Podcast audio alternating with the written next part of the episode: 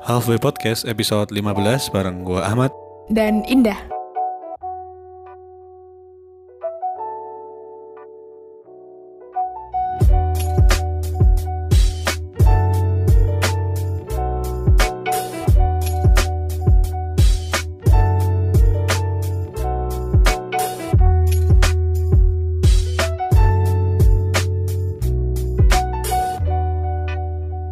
Kamu punya jalan favorit nggak?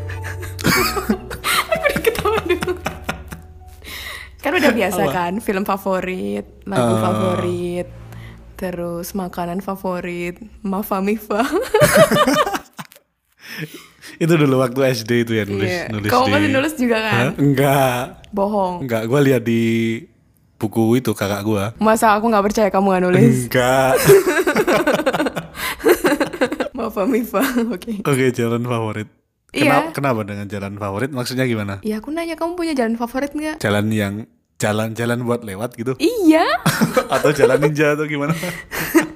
jalan jalan favorit. Oke, lu dulu deh, lu dulu kok dah. aku dulu kan aku nanya Oh. kamu. Awal lu jalan jalan favorit lu apa? Jalan yang lurus enggak? Nggak lucu loh, kamu kenapa ketawa?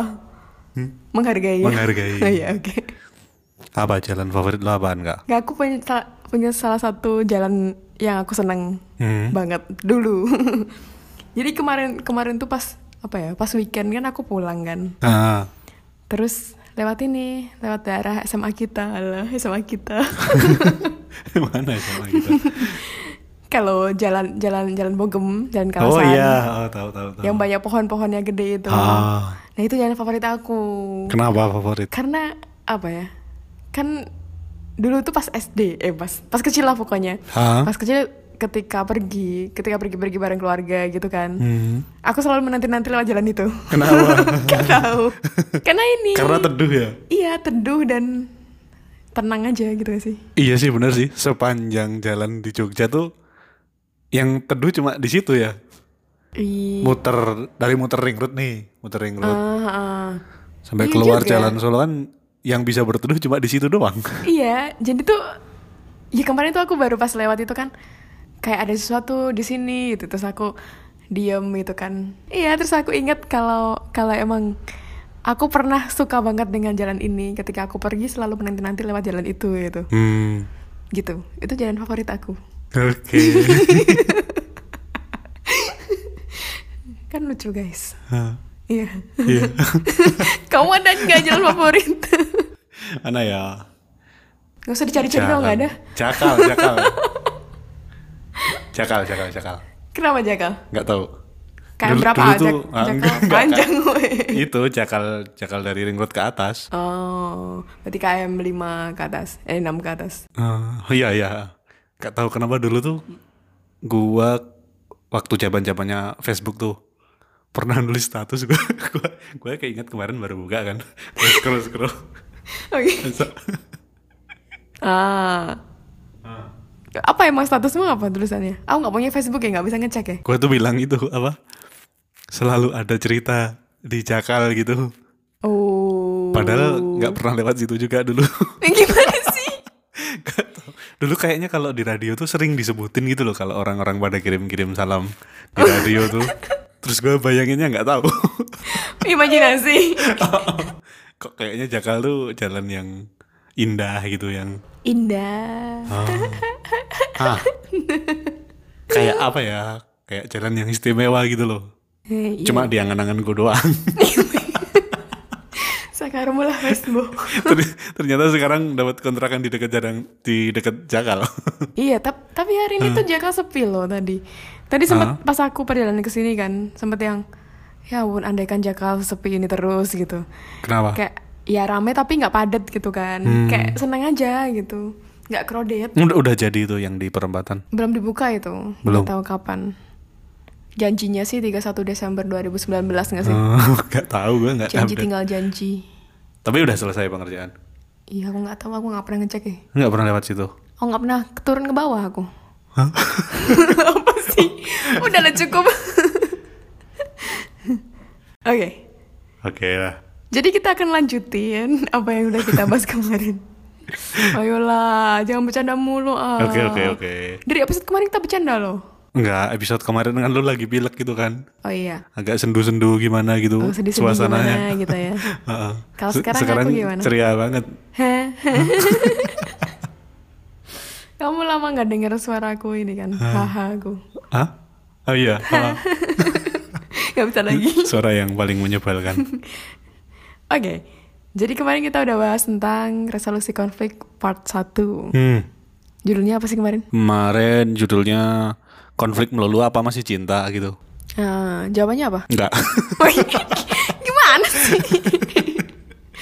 eh. ya harusnya masih dong. Meskipun berkonflik harusnya ya tetap diselesaikan dengan baik-baik kan. Iya, tapi kita nggak tahu jawabannya sih. Hmm. Cinta apa enggak ya? Lo yang ngerasain Ya sendiri gitu. terserah lu. Astaga. Oke, jadi kita mau ngelanjutin yang kemarin. Kemarin kita sempat bikin survei singkat Hmm. di Instagram polling ya. jadi ngasih polling tentang persepsi eh apa sih yang muncul di pikiran kalian ketika dengar kata konflik gitu. Ah. Persepsinya tuh negatif atau positif gitu. Hmm, berapa persen kemarin? 80 persen ya? 80 sekian persen? 80-an, 80 87 kemarin yang aku post itu 87 banding 13 persen tapi habis aku post itu ada yang ngevote lagi jadinya Hmm. 88 sama 12 persen kalau nggak salah Itu menjawab negatif, Negatif ya. termasuk aku yang ngevote negatif ya gue juga ngevote negatif. iya ya kan jujur kan apa yang Hmm. muncul pertama kali yaitu di pikiran Jujur. Biasanya lu nyanyi gitu aku kan. tak sanggup Oke. terus terus terus. Jadi kan kemarin kita bahas tentang beberapa hal yang menghalangi kita untuk bisa menyelesaikan masalah secara efektif gitu kan. Hah. Terus itu kan Apa sih poin-poin kemarin poin terakhir kita bahas apa sih? kan yang poin pertama persepsi terhadap konflik itu sendiri yang tadi kita bahas Hmm. barusan. Ah. Terus juga ada cinta dan kemarahan gitu-gitu. Gue kira cinta dan rahasia. Terakhir. Woi, Dia tuh lagi stres guys. Kesepian dia tuh. Hei, Hei. ngaca. Siapa yang habis ditinggal teman-temannya pulang kampung? Kalau aku ngaca cantik nanti. Oke. Ya ampun, maaf ya. Nah. Yang ketiga itu ini kayak masalah itu nggak akan pergi dengan seiring berjalannya waktu gitu. Hmm. Kalau nggak diselesain gitu. Ya itu udah dibahas kemarin. Iya, itu yang udah dibahas kemarin. Nah, terus eh, sekarang ini kita mau lanjutin nih poin yang lain yang Hmm. itu tuh mungkin bisa menghalangi kita untuk bisa mengatasi masalah secara efektif. Ah, Oke. Apakah itu ternyata ada ini memiliki kemampuan yang kurang dalam resolusi konflik gitu. Oke, maksudnya gimana tuh? Maksudnya, jadi kan selama ini ketika ya kita di sekolah, kita di mana pun, ya kita di sekolah sih di sekolah kan, kalau pelajaran kimia, fisika kita kan bisa belajar kan, Hmm. diajarin itu. Tapi dalam resolusi konflik kan jarang dikasih tahu gimana sih caranya menye- menyelesaikan masalah gitu. Oh iya, bahkan di pelajaran BP pun nggak ada pembahasan itu ya? Iya, BK ya sekarang ya, anak zaman dulu kamu. Oh iya kan? BP itu apa sih? Lupa aku. Kepanjangan BP itu apa? eh, B, BK atau BP sih? Dulu BP gak sih awalnya? Iya kan guru BP gitu kan BP nyebutnya. itu apa? Bimbingan personal kali. Ngasal aja. Apa dong? Kalau BK kan bimbingan dan konseling. Ah, Gak ngerti BP. bimbingan dan pengarahan kali. Ya entar lah kamu kamu PR kamu ini. Oke, oke BK BK. Oke. Kita kita refer, kita ganti jadi BK ya sekarang ya. Oke. Jadi kan eh, apa namanya? Dalam menyelesaikan masalah kita biasanya trial dan error gitu. Hmm. Kayak nyoba berhasil nggak gagal berhasil gagal gitu-gitu tapi nggak pernah ada pelajaran yang bener-bener kayak emang gimana sih caranya menyelesaikan masalah secara efektif gitu. Hmm. Nah, tandanya apa sih ketika kita apa dalam menyelesaikan masalah itu tidak efektif gitu? Menurutmu apa menurutmu? Misalnya ketika kita lagi punya masalah sama orang lain tuh. Terus apa yang membuat itu tuh tidak berjalan efektif? Dalam menyelesaikan konflik tersebut, ah, mungkin pertama kita eh, apa ya nyari kesalahan orang lain itu dulu. Ah, kan? Ah, iya benar. Jadi kayak eh menyalahkan orang lain. Iya, jadi nggak karena nggak mau di salahin dulu jadi lebih mencari kesalahan orang lain dulu gitu kan. Untuk membela diri kan sebenarnya itu. Hmm. Jadi itu nggak nyelesain kan pada akhirnya. Iya, enggak. Malah bikin sakit hati. Tapi secara tidak ada sadar pasti eh, itu bawa kayak eh, apa sih kodrat gitu kan. Ini cari pembelaan nih. Iya, itu defense untuk kan? melindungi diri karena tidak mau sakit gitu. Tapi itu sebenarnya pola kan. Kayak, Ah, sebenarnya bisa dibentuk juga kan. Iya, dan ya aku pribadi aku dulu kayak gitu orangnya. Sering gitu. Sering nyari-nyari kesalahan orang lain gitu kayak ya aku nggak mau salah gitu. Hmm. Pokoknya orang lain salah itu. dulu kayak gitu, tapi sering berjalannya waktu kan sadar juga kan. Hmm. Ya itu salah satunya tidak yang membuat tidak efektif itu karena mencari-cari kesalahan orang lain, menyalahkan orang lain. Terus yang kedua juga ada nih kayak Apaan? membawa eh, masalah-masalah yang sudah berlalu. Oh, jadi membawa masalah lain ya. Iya, Gue kayak gua ngerti nih, ini bahasa kerennya ini. Mengungkit-ungkit. nah benar, oh iya, iya itu iya kan. bahasa keren yang lain ini. Apa? Bringing up old issues. Oke. Oh, itu ada hubungannya sama kemarin tuh yang kalau punya masalah dipendam nggak langsung diselesaikan. Hmm, Nah, itu kan iya. jadi bumbunya kalau mau diungkit-ungkit kan. Nah itu dia. Tapi mungkin sebagian besar orang juga pernah melakukan dua hal itu gak sih? Iya. Kalau aku sih ya. Iya, kalau gua juga iya. Bahkan mungkin sampai sekarang ya. Masih berproses. iya, kan kita belajarnya bertahap ya. Hmm. Maksudnya menyalahkan, terus membawa-bawa hal di masa lalu. Itu emang apa ya? Bumbu yang gak sedap sih. Bumbu yang bikin gak enak gitu. Iya. Nggak enak bagi lawan bicara kan. Dan juga kita sendiri menurutku. Karena itu nggak nyelesain gitu. Kepuasan kita tuh cuma sementara Ah, iya. gitu ya tapi sering berjalannya waktu kayak ketika kita semakin berproses ketika kita punya masalah terus mau nih mau Hmm. mungkin hal hal di masa lalu gitu pasti tiba-tiba sadar gitu kayak ih masa aku bawa-bawa kayak gini gitu nggak Iya. keren gitu Nggak banget gitu ya. kalau aku sadarnya kayak gitu kayak Hmm. ah ini nih bikin ngerusak nih kalau aku bawa-bawa kayak gini nih Hmm. Kayak, kan udah kemarin ngapain masih dibahas lagi gitu-gitu Iya. terus ketika orang lain bawa itu tuh aku juga semakin aware gitu loh Hmm. Terus ya deng- ketika orang lain membawa hal di masa lalu ya udah Terus lo diingetin aja. lo ingetin, eh lu jangan gitu dong, gitu. Ini nggak usah bawa masa lalu dong, gitu. Kayak gitu. Kayak Ini gimana ngingetinnya gimana yang sopan gitu? gitu ya. Udah gak usah dibahas kan. itu void. Gimana? Enggak, ya bilang aja. Ya kan itu kemarin kan udah selesai. Sekarang Hmm. masalahnya tuh ini gitu. Enak ya kalau denger aku ngomong.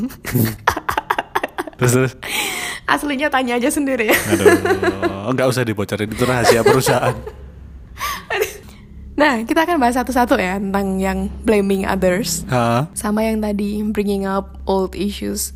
Nah, yang pertama ini yang blaming itu. Jadi kalau kita menyalahkan orang lain itu, kayak kita tuh menghabiskan banyak waktu dan energi kita itu untuk mengubah orang lain, berusaha untuk mengubah orang lain. Hmm, maksudnya? Kayak ya ketik, ketika kita menyalahkan kayak misalnya kita ada masalah gitulah. Ah, Terus ya kan kamu tuh gini gini gini gini atau apalah. Aku selalu kalau marah gitu gak sih di sini tuh.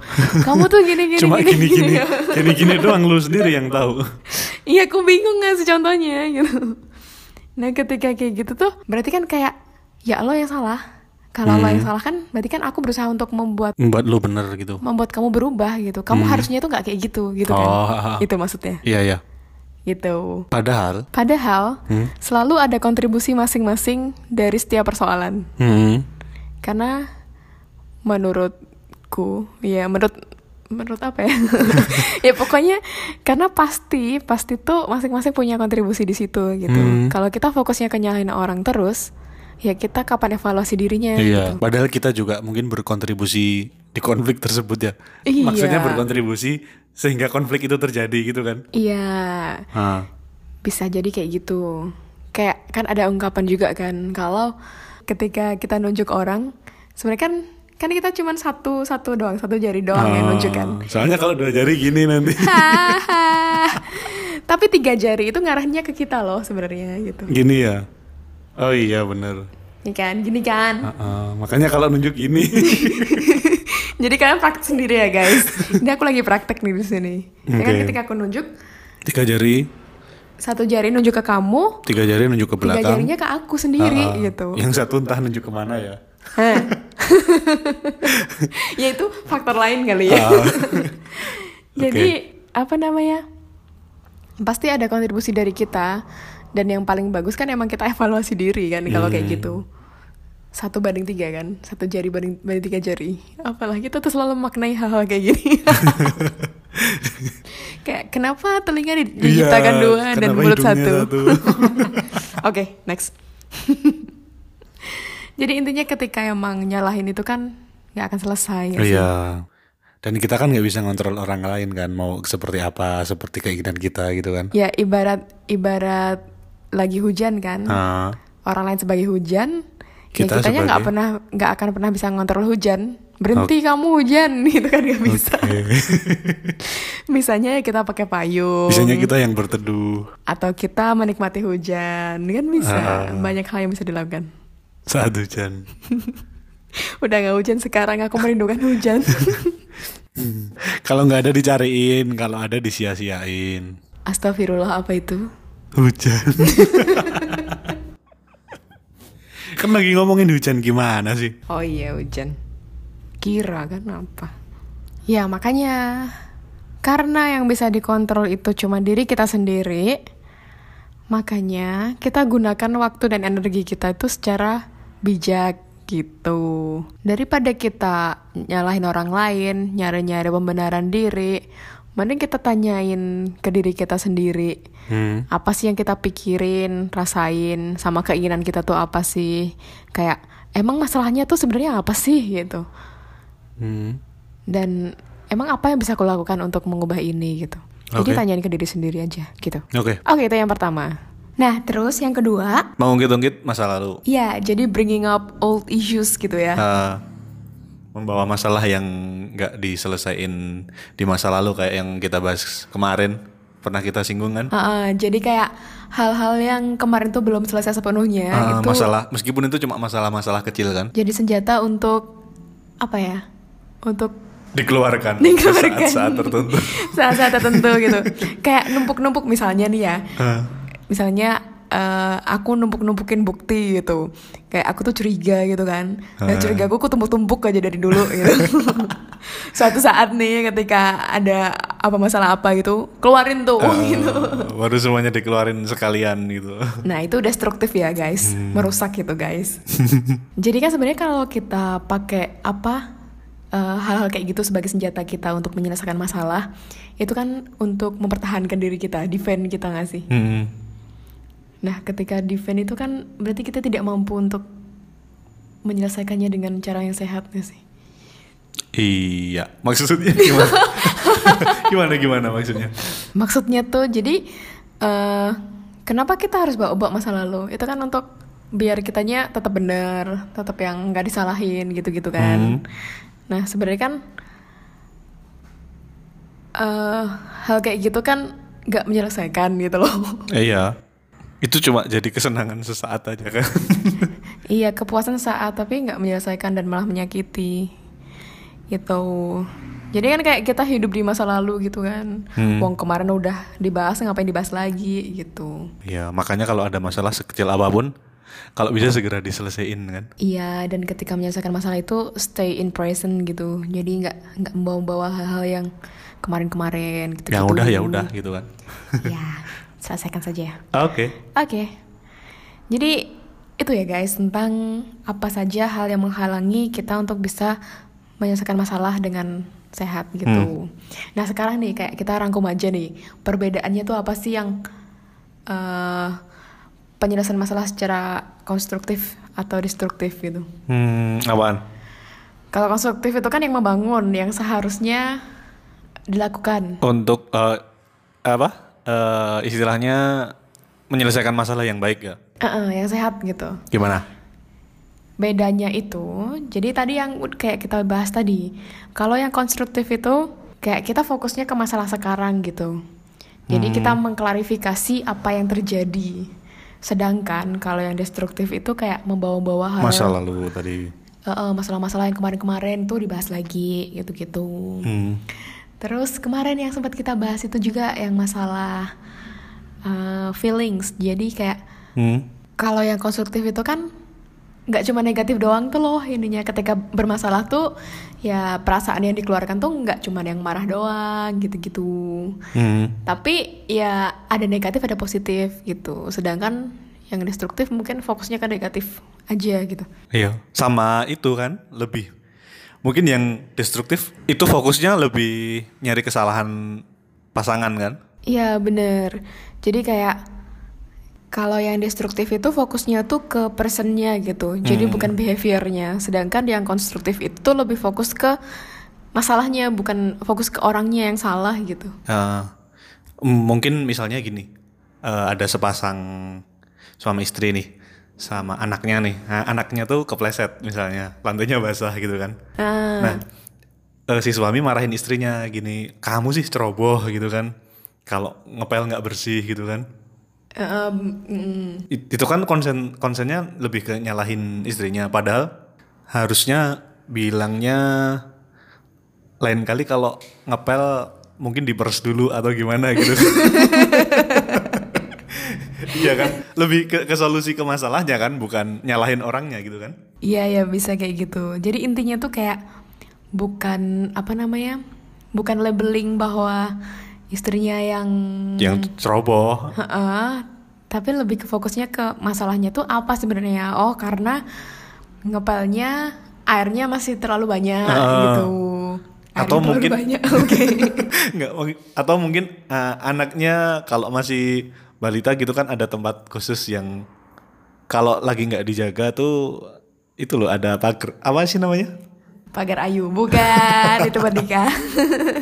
Iya ada pagar indah ya itulah guys. Cari contoh sendiri aja lah ya.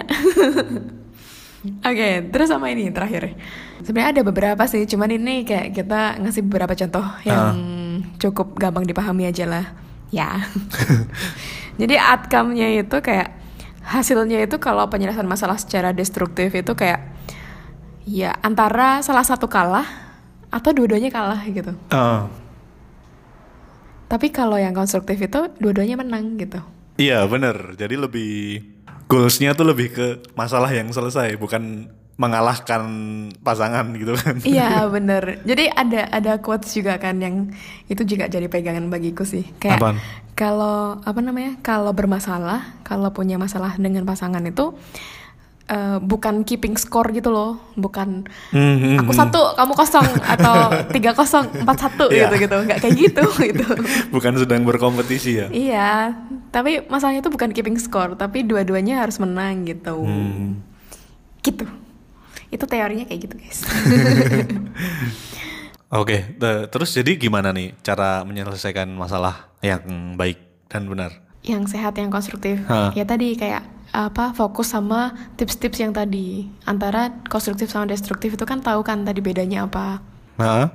jadi bernegosiasi gitu kompromis diskusi misalkan emang apa namanya itu belum bisa dilakukan Hmm.